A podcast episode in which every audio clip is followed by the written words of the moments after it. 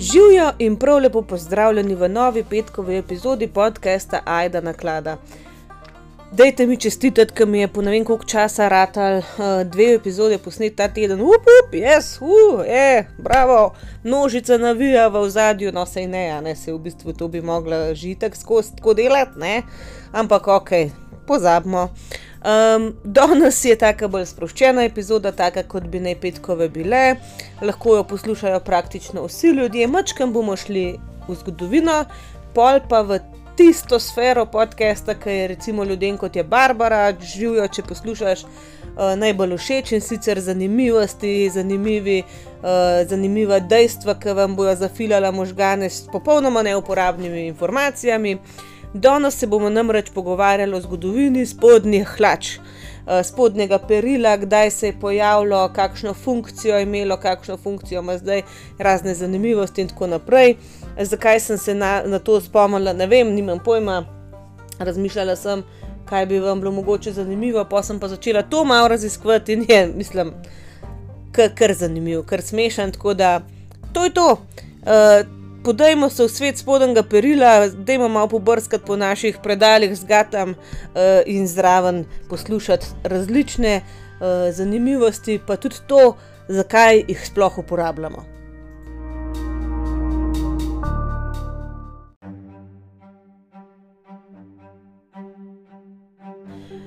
Ok, živimo v časih, ko si ne predstavljamo, da bi kam šli brez spodnjega perila, oziroma če se že to zgodi, uh, se nam zdi zadeva skoraj malo kinki, a ne skoraj malo tako, wow, malo drzno, močkan za naložč, da narediš nek statement, pač ne neki s tem.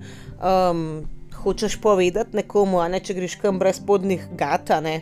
No, brez modrci so že druge zgodbe, ampak spodne hlače, recimo, so ena stvar, brez katere si življenje ne predstavljamo.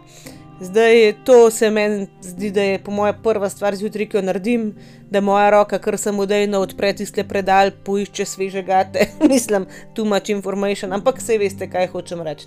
Vsakodneven uh, del našega življenja, um, noben se ne sprašuje, zakaj jih uporabljamo, zakaj jih ne bi, za, mislim, zakaj ja, zakaj ne, tako pač je. Uh, Zdaj, to seveda skozi zgodovino ni bilo vedno tako. In če pogledamo dejstva proti nošenju spodnjih gat, eh, sploh za ženske, recimo, zakaj bi bilo dobro, da jih ne bi nosile, jih je kar neki. Recimo, nošenje spodnjih lač, sploh kakšnih iz sintetike, a ne nelih bombažnih, lahko recimo poveča možnosti raznih unetij, glivičnih, potem tudi um, razne vonjave se povečajo, uh, sploh pri kakšni sintetiki spet. Uh, zdaj, uh, recimo, um, intimni predeli. Uh, veliko hitreje, recimo, uh, se posušijo, kadar smo uh, prepoteni, ne? če ne bi imeli uh, spodnjih hlač, ponavadi ta švic pa to zaostaja v tistem delu in tudi to ni dobro. Uh, potem, sploh pri kakšnih moških, je več tega drgnjenja, odrgnin od spodnjih hlač, ne? Na področju mednožja, zdaj to se vam zdi najbolj hecen, da govorim. Uh, potem, recimo, uh, če imamo premajhne hlače, pretesne, uh, sploh je veliko drgnega, veliko raznih uh, možnosti, tudi v, um, teh, kukr, ne v tiščancu, ampak da te pač užul, da dobesedno užul, spet velikrat je to pri moških.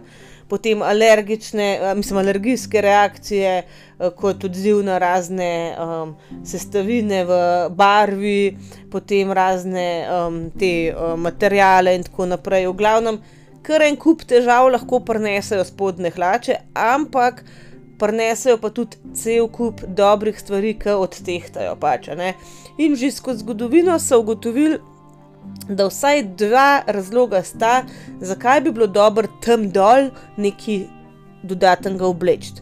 Prva stvar je čistoča, a ne se pravi nošnja um, spodnjega perila. Uh, je sploh razne drage, razna draga oblačila, ki vemo, da se včasih niso prala, kar tako skoraj vsak dan, kot se zdaj, a ne. Uh, ščitila pred urinom, pred blatom, pred uh, krvjo, raznimi izcedki, uh, ki bi lahko sicer umazali pač spo, uh, perilo, ne, ne spodnje perilo, ampak oblačila. Mi zdaj vemo, da, ne, zdaj kaj, umažeš hlače. um, jih vržeš v stroj, če imaš sušilca, ali pa polet, ki se odzum hitro suši, imaš drug dan iste hlače lahko na sebe. Včasih pa to ni bilo tako in tudi ljudje, higiena je bila nasplošno drugačna, ampak ljudje niso cun pravi kratko. Zdaj recimo za primer, ne. Uh, džinsa, ne, uh, vemo, da je pač nastal, vse vemo, v Ameriki, to so tisti kavboji, pa ti ljudje uh, ga najprej nosili, um, ker je bil zelo tak um, robusten, zelo uh, trdoživ material, uh, iz čist napačnih razlogov ga mi zdaj nosimo, zdaj ga nosimo tisti, ki nimamo kaj dost najbrž zadelati, ne, ne lih delavci, ampak uh, mislim, fizičen ga hočem reči. Ampak recimo hlače iz džinsa, ta prave, ne, naj bi se prale enkrat do dvakrat na let, sem nek prebrala. Ne, da pač to, uh, da jih mi kar tako peremo, ni dobro niti za material. Uh, Uh, ampak ja, jaz si ne predstavljam, da bi dvakrat na let hlače iz džinsa uprala. Sam ja, dejansko, da so rekli, uh, da če pač niso liho umazane, mislim, da so odlevi s um, uh, strokovnjaki to celo enkrat objavili, da če ni umazan, recimo, da je prav flek, da bi bilo bolj, da sa, jih sam pač prezračaš ali pa daš recimo v zamrzovalnik. Um, Ker zamrzovalnik pol te bakterije, ki povzročajo vonjave, pobije. Eh, da pač te vonjave prepričaš, da drugače prat pa ni preveč dober. Ampak se pravi, večina nas si tega ne predstavlja, ampak dam vam to za primer, da včasih so se dejansko najbrž ne enkrat, dvakrat na let hlače oprale in če si predstavljate, da bi bil v tistih hlačah oblečen brez spodnjih hlač, najbrž to ne bi bilo lih možen. Druga, drug zelo pomemben razlog za to, da, uh, da je pa fino imeti tudi nekaj spodaj oblečenega, je pa nekakšna izolacija pred zunanjimi stvarmi. Recimo, um, dejstvo je, da mednožje je bolj občutljiv uh, področje. Ne? Kar se tiče tudi nekako uh, drgnenja, in tudi uh, spet smo nazaj pri teh materijalih, ki so se včasih nosili, recimo tudi džins, če smo želeli o njemu govoriti. Če si predstavljate, da bi nek trši džins oblekel direkt na sebe, brez podnih hlač, sploh pri kakšnih moških, ne, si predstavljam, da ne bi bilo njih najbolj udobno. Uh, plus tega pa ne samo neke neke te uh, fizične bolečine ali kar koli, tudi recimo uh, izolacija pred nekimi zunanjimi uh, pojavi, kot so recimo vročina pred vremenskimi zadevami, ne vročina, uh, hlad, uh, ki tudi vemo, da ni preveč dober tam spodaj, ali da nam je prevroče, da nam je premrzlo. Zdaj, uh, kar se vročine tiče, uh, ne moramo jih kaj dosti narediti. No? Vse vemo, pri moških, ki pravijo, da polet sploh ni dober. Um, med teh taoskih eh, boksrca, da je treba, da se stvar zrač, ampak uh, ja, predvsem ni pa tudi dobro, da je nam je tam dol premrzlo. Tako da dejansko ti dve, uh, ti dva, ta dva razloga sta najbolj nekako pretehtala, uh, ko so se začele zadeve tako razvijati, da so začeli ljudje na neki točki razmišljati, da bi pa mogoče ne, med tisto oblačilo, ki ga imajo na sebi, pa med. Um, med kožo, a ne še neki drugega dar. Zdaj, um, zelo težko je ugotoviti, kdaj so se prva, prve oblike spodnjega perila pojavile, zaradi tega, ker v resnici že vsa oblačila je zelo težko zgodovinsko raziskovati, ker vemo, da razne uh, tkanine, blago in tako naprej hitro razpadajo, ne, se hitro razgradijo in je tudi zelo malo tega ohranjenega, ne, če primerjamo z nekimi posodami, nakitom in tako naprej. Ne. Uh, ampak kljub temu še vedno najdemo nekakšne sledi zelo zgodnih oblik spodnjega perila. Uh, Prek zelo velik uh, teh zgod, najzgodnejših civilizacij. Zdaj, kdo je prvi nosil gate, je zelo težko ugotoviti. Ampak recimo, da jim rečemo, da zelo nekako med prvimi so bili uh, stari egipčani, potem antični rimljani, um, ameriški staroseljci, se pravi, da jim rečemo kar indijanci in kitajske ženske. Zdaj pa, če gremo kar po vrsti štiri uh, skupine pogledati. Uh, v starem Egiptu um, recimo, lahko vidimo, da je že približno 4400 let pred Kristusom obstajal nek, nek oblačilo, neka oblika spodnjega perila, uh, ki je bila narejena iz uh, neke te lanene tkanine, um, iz katere so sicer običajne hlače delali, ali pa iz, um, iz kože od koz, no, iz kozje kože. Samo kaj je razlika zdaj med temi hlačami in med običajnimi, je ta, da so bile te hlačke namenjene samo ženskam, ki imajo menstruacijo. Se pravi, prav za ženske z menstruacijo so v bistvu uh, izumili v starem Egiptu neke hlače, da so najbrž pač zaščitile preostala oblačila pred uh, menstrualno krvjo. Uh, potem tudi v, antič, uh, v antičnem Rimu no, so arheologi našli uh, nekako um, ostanke no, nekih usnjenih spodnjih hlač, um, in še potem um, nekaj malega ostankov spodnjih hlač iz uh, blaga, pač navaden, ampak teh je ful malno, ker usnje je vseeno dlje zdržalo kot uh, blago. Tako da ja, so dokazi, da so že tudi rimljani dejansko nosili spodnje hlače, samo kot sem rekla, ker je blago tako hitro razgradljiv, ne vemo čistočen kako pa na kakšen način. Potem ameriški staroseljci um, so pa v, v veliki večini no, uh, nosili nekaj, čemu se, re, se reče v angleščini bridge cloths. Uh, to je bila pa kukar neka cujna, a ne ka so jo dali prek um, svojih intimnih predelov. Um, zdaj to so pač dal med noge, tako a ne nekako namontirali med noge, ni bilo zdaj tako kot hlače, ki jih zdaj poznamo. Narejen je bilo pa ali iz usnja, raznih kož živalskih in celo iz, nekih, uh, iz neke tkanine, ki so naredi, jo naredili iz nekega ljubja. Ne. Pač iz enega ljubja so pobrali kukarene te, um, kaj bi rekel človek,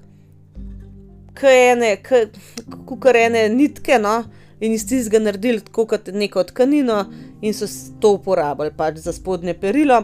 E, jim je bilo pa zelo pomembno, da jih ne ovira pri gibanju, ne? tako da oni so imeli to res bolj obešen tam čez, um, čez e, intimne predele.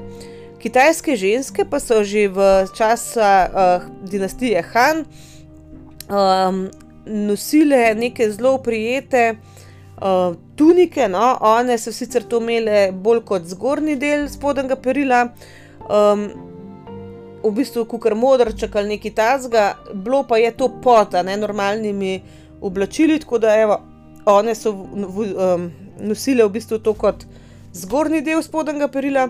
Uh, ta oblačilo je bilo pa nekako, ta tunika je bila pa nekako narejena ali iz bombaža ali pa iz svile, čisto odvisno, no, eh, iz kakšnega ekonomskega ozadja je prihajala nekako eh, tista ženska, ki je pač to zadevo nosila.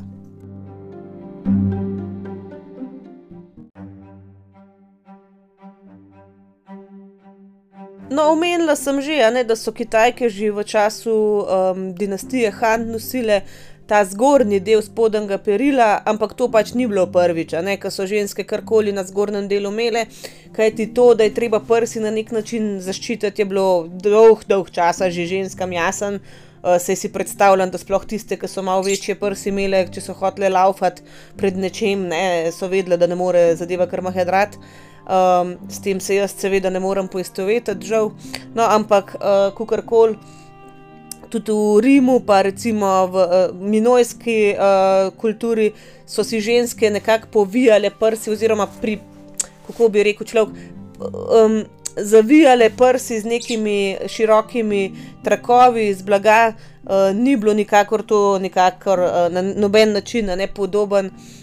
Z današnjim modrcem, modrci so se pojavili tam neko 19. stoletju, ampak ne, nek način uh, pridržavanja prsi gor, je pa vseeno bil. No. Tako da um, dejansko so se začele zadeve bolj nekako razvijati, pa šele v. Um, Nekako v srednjem veku, ko so bolj ljudje začeli razmišljati, na kakšen način uh, bi naredili spodnje perilo še bolj uporabno, še bolj, ne vem, pač za ljudi, kaj jaz vem, funkcionalno. No? Se mi zdi, da je bilo res treba uh, ob vsem tistem uh, oblačenju, ki ni bilo lih funkcionalno, pomisliti tudi na dejansko funkcijo uh, raznega perila. No, recimo, um, prva stvar, ki so nekako ustanovili, ja, um, izumili no, v srednjem veku, so bile um, ene kukar hlače, kukar bolj take, kaj ene kratke hlače, ki so nekakšna predhodnica današnjih spodnjih hlač. Uh, zdaj, uh, to je bilo čisto tako hlapno. Uh, in je bilo treba si v pasu to prevezati ali z vrvico, nekateri so imeli tudi pasove. Um, zdaj, um, um, moški so to pač nosili pod oblačili, um, in um, ne, lahko so pa tudi te gate, ne, ob nekaterih priložnostih nosili tudi kot samostojno oblačilo, zdaj jaz ne vem, kakšne priložnosti so to bile, ne, ampak pač ja, so obstajale tudi priložnosti za nošnjo tega oblačila kot samostojnega. Zdaj, ženske pa ni bilo nujno, da so to nosile pod krili, veliko žensk pod krili ni imelo pač ničesar. Zdaj pa še ena stvar, ki so se jo izmislili v srednjem veku, so bile v bistvu kar neke žabe. Uh, v bistvu je bila to neka um, zadeva narejena, kukar iz, uh, iz volne, no? kukar da bi bilo spleteno iz volne, zelo raztegljivo in to so si ljudje dajali sam čez noge. Um, zdaj to so nekako nosile, nosile ženske in moški. Uh, mislim, da to ni imelo tega ritmega predela, da je bilo bolj kot ene uh, samostoječe nogavice in je bilo pač namenjen temu, ali bodi si, da se pokrije noge, ali pa zaradi samega, ne, zaradi toplote, ne, da ti je bilo toplo. Uh, potem pa so se pojavile tudi te zgornje uh, spodnje oblačilo, ne, za zgornji del telesa, uh, za moške in za ženske. Uh, in sicer se je pojavila neka oblika tunike, uh, to je bilo zelo tako spet ohlapno uh, in uh, je zgledalo bolj tako, kot kar. Um, kar da bi rekel, lanena uh, majica s kratkimi rokavi, uh, lahko je imela kratke, lahko je imela dolge rokave, ampak to je čisti tipičen v kakšnih filmih uh, srednjeveških, kakšen vidite, so tisti ohlapni srajci skače. No, to je bila v bistvu spodnja majica, ki je pri moških segala do pasu. Pri ženskah pa lahko tudi do gležnjev. To je bilo v bistvu ena kombineža, recimo od spod, samo da je imela še, uh, še rokave. Ampak, ne, kar so se v bistvu uh, oblačila že na splošno začela razvijati kot zgodovino, ne, se je moralo razvijati, seveda, tudi spodnje perilo. In um, nekako uh, doba teh uh, ohlapnih uh, spodnjih hlač, pa spodnjih majic, se je končala šele nekako v 20. stoletju. Do takrat je bilo vse nekako ohlapno, lihto, da je pač bilo. Eh, pol se se zadeve pa začele zelo, zelo tako bliskovito spreminjati. In sicer v 20 letih prejšnjega stoletja um, so v bistvu oblačila, sploh za ženske, postala zelo manjša, zelo uh, bolj prijeta, kot je bilo pač prej sploh uh, dovoljeno ali pa kako bi rekel človek. Sprejeto splošno med ljudmi, ne? in uh, v resnici te spodne majice, spodne srajce, v resnici, uh, uh, pa hlače, ki so bile tako um, uh, ohlapne, niso več pasale po to zadevo, ker bi se čez videl. Ne? In uh, v bistvu je takrat šele spodnje perilo žensko postalo oprijeto, gladko in bolj uh, nekako stajliš. Ne? Uh, zdaj, uh, takrat je potem cela nova kategorija oblačil nastala uh, kot spodnje perilo, ki ga mi zdaj poznamo, oziroma um, uh, zdaj v angliško govorečih državah imajo sploh besedo za to in sicer uh, lingerie, um, ki je recimo undergarment, etkobelne.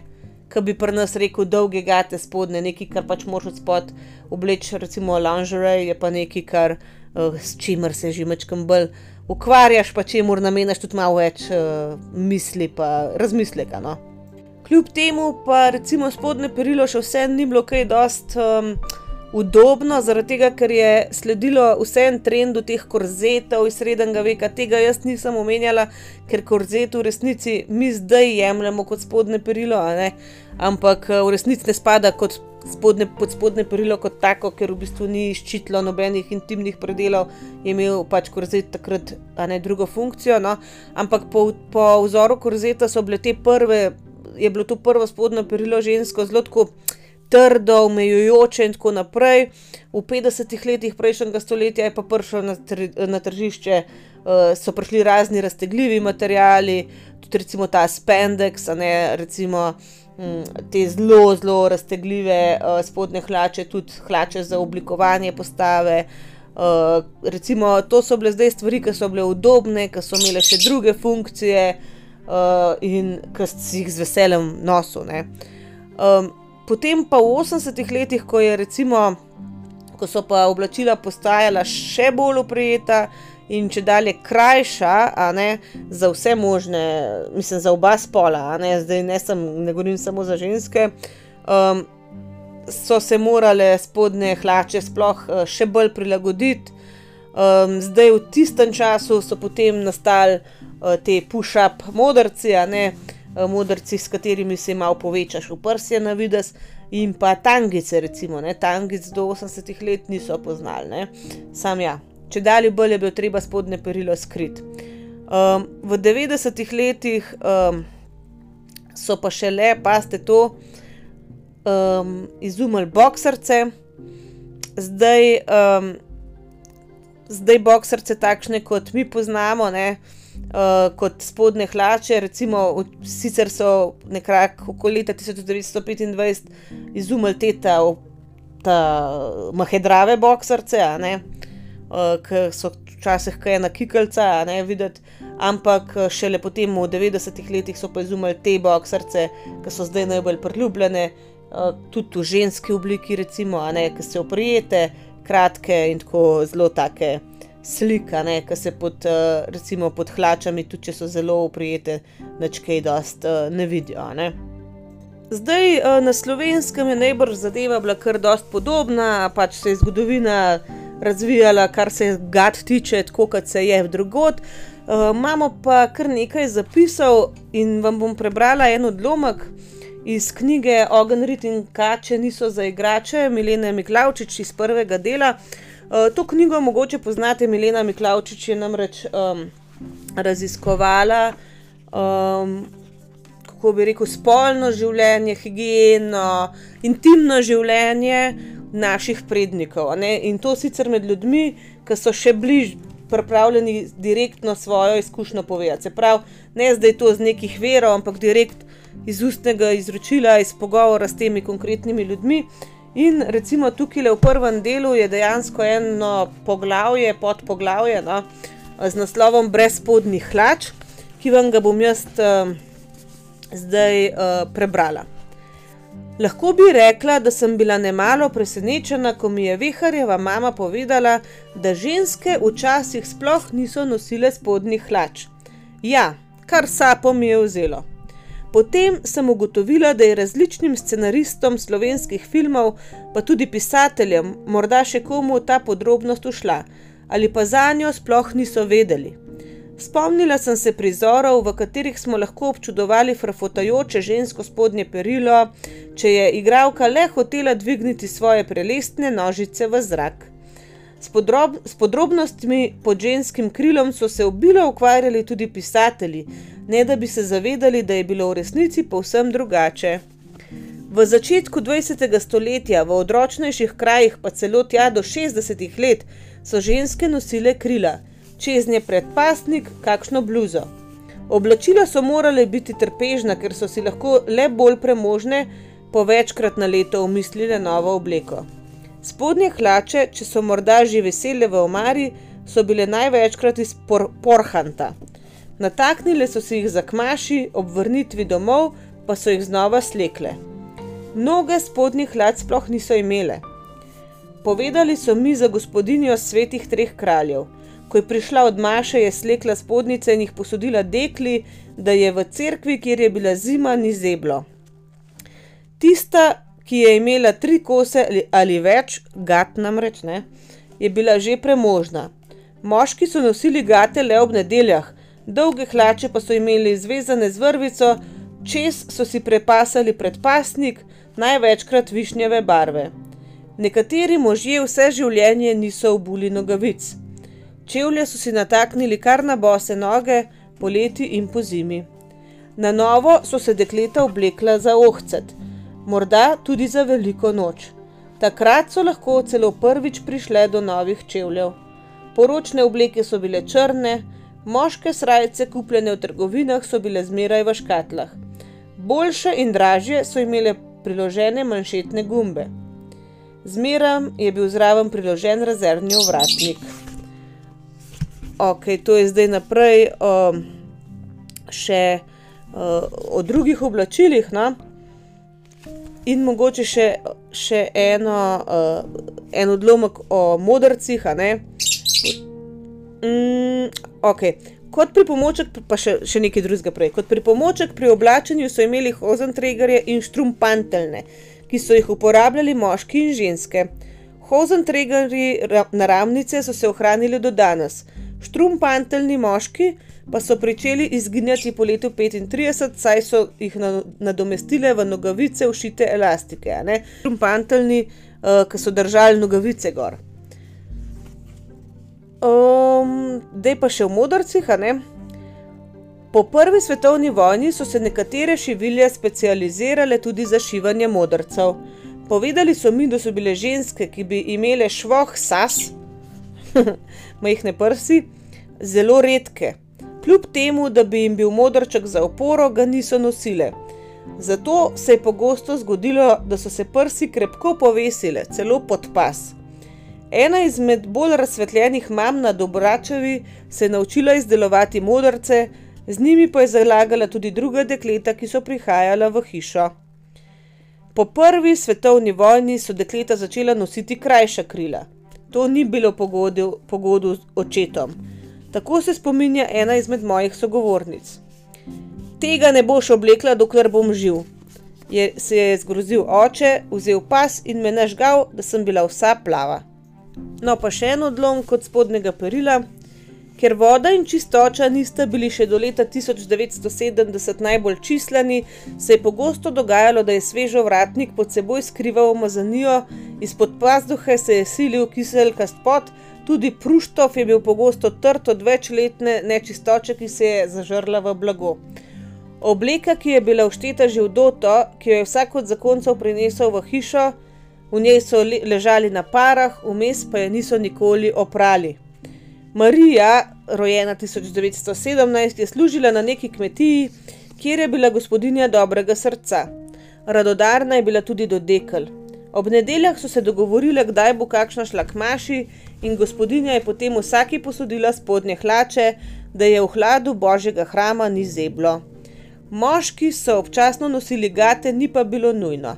Spredaj so bile preklane in zato zelo zračne. Hlače so imeli zvezane le z vrvico, eh, čez pa si je lastnik nataknil predpasnik, ki je bil pogosto višnjeve barve. Možje, ki so jih poznali vse življenje, niso obuli nogavic, to smo že povedali. Um,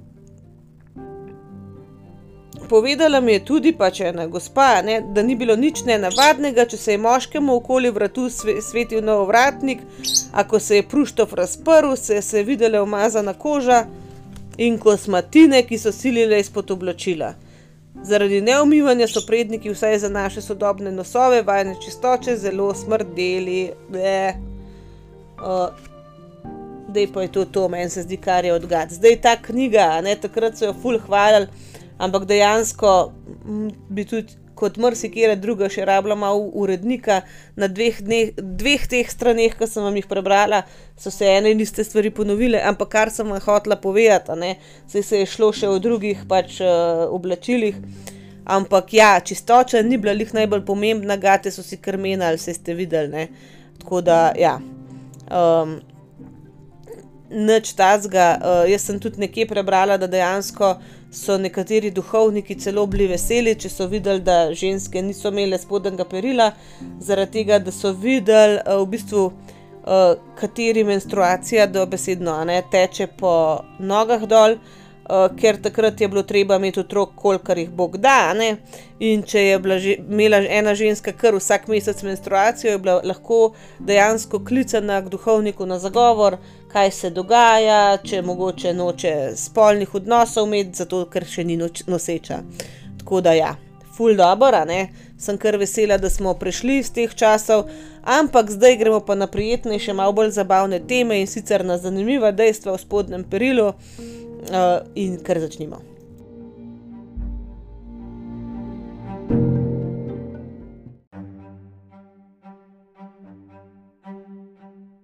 No, zdaj ta dejstva bodo tako zelo mešana, nekatera bodo zgodovinska, nekatera čist same uh, zanimivosti in začela bom kar z eno najbolj butasto skor.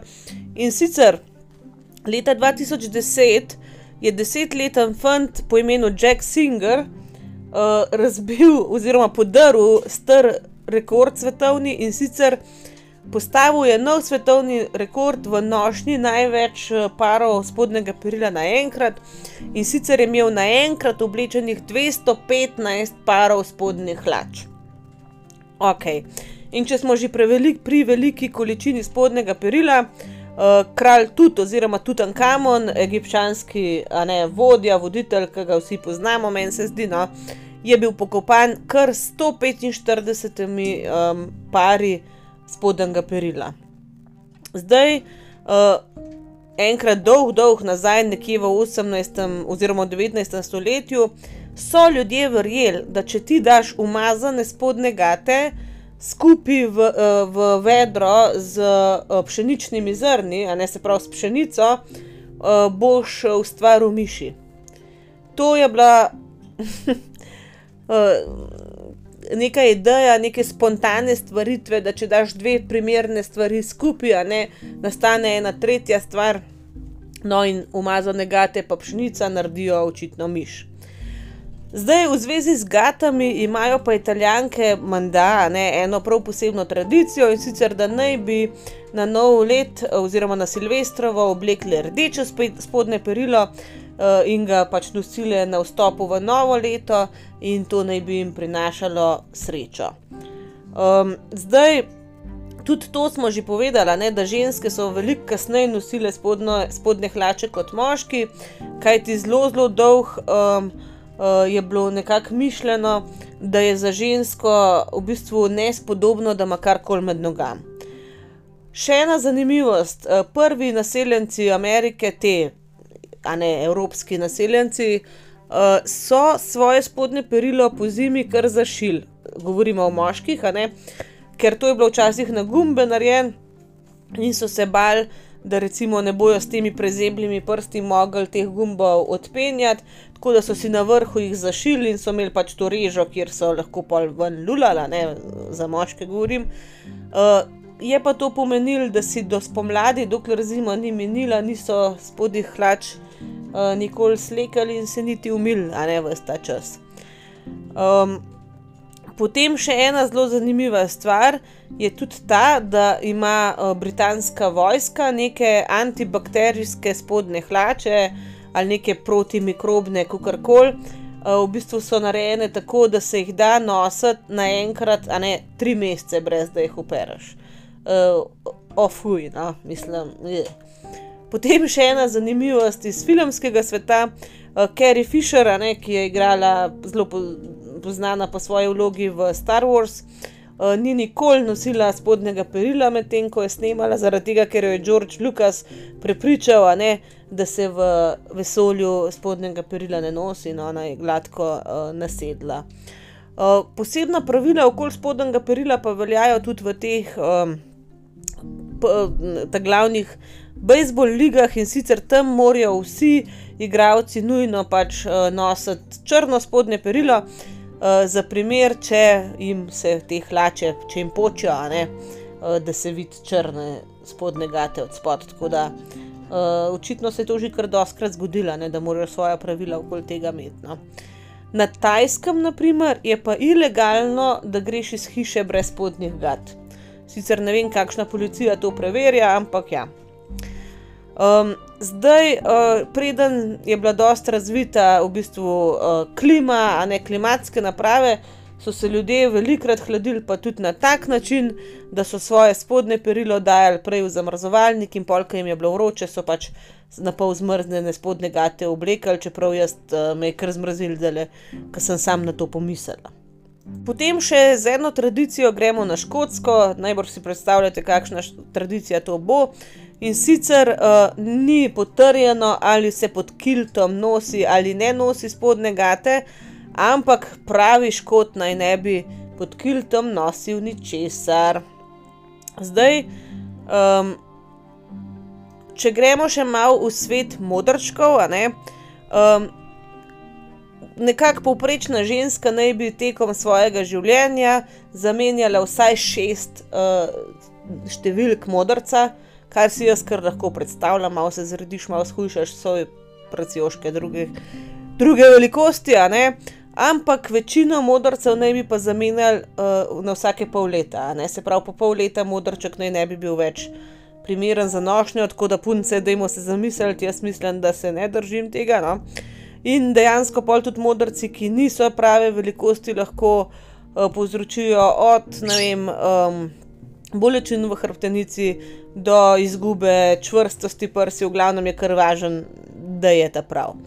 Zdaj, um, najbolj si predstavljate, da je najbolj uh, znana znamka spodnjega perila Victoria's Secret, mislim, znana, zelo glasna pa s temi njihovimi um, modnimi revijami in tako naprej.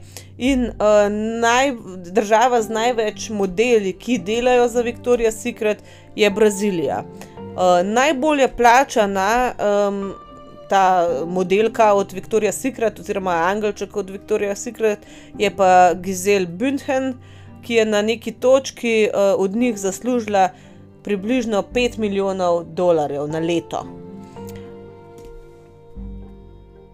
No, pa če gremo še v mačkam bolj neprijetne vode, tako tukaj boste kar naredili gotovo. Uh, kaj je wedge, najbrž veste. Uh, ne vem, če imamo mi besedo za to, hvala Bogu, da je nimamo, ampak to je tisti, ki ti eden od zadaj prime gate in ti jih potegne uh, v bistvu ven, tako da se ti zarežejo v spodnji dekolte ali kako ne rečem, ritno špranjo, no, da jim po pravici povedati. Uh, v glavnem to, to nekaj prijetno ne zveni, ampak najbolj neprijetno je bilo pa 14.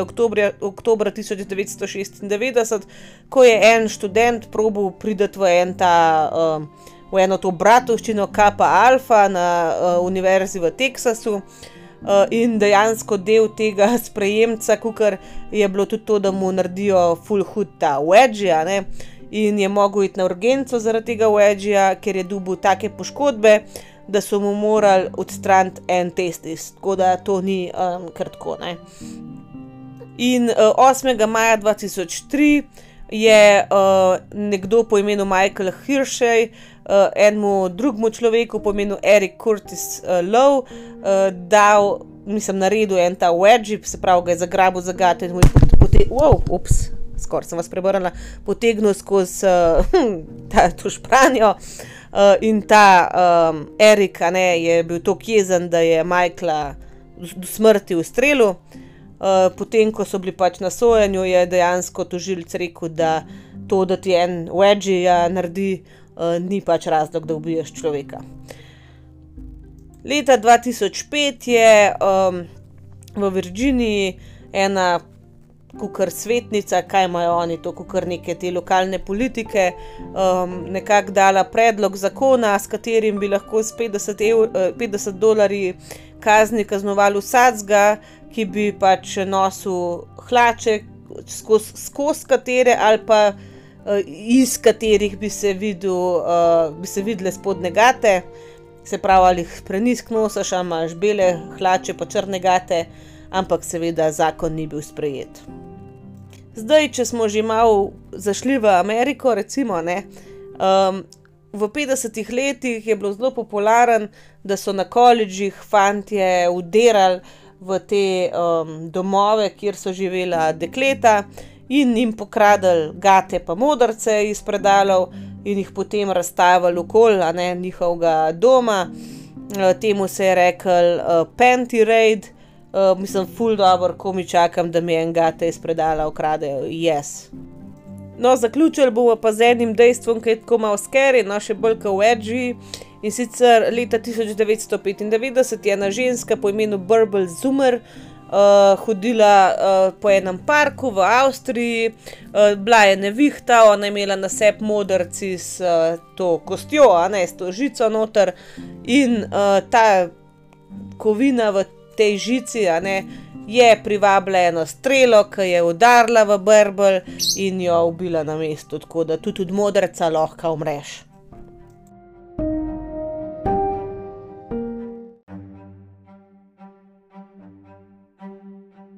Ok, to je to za danes. Uh, epizoda je sicer malo krajša, lahko bi bila daljša, lahko bi šla v več podrobnosti, lahko bi šla še v korzete, pa v ne vem kaj, pa v industrijo, ki se ukvarja s spodnjim perilom, ne da se mi popraviti povedan, pa tudi ne vem, če se vam bi zdel to kakorkoli zanimiv. Že itak mi je neverjetno, da se sploh da to v enih spodnjih gatah govoriti, ampak očitno se da. Um, Dajte mi napisati, kaj od tega, kar ste danes vedeli, vam je bilo najbolj zanimivo, uh, drugih stvari o vaših gatah, uh, pa ne rabim vedeti, noste jih z veseljem, pa menite jih redno. To je to, kar vam bom rekla. Lepo se majte, poslušamo se naslednji teden in čau, čau. A ja, pa ostanite varni, pozdravi. Čau.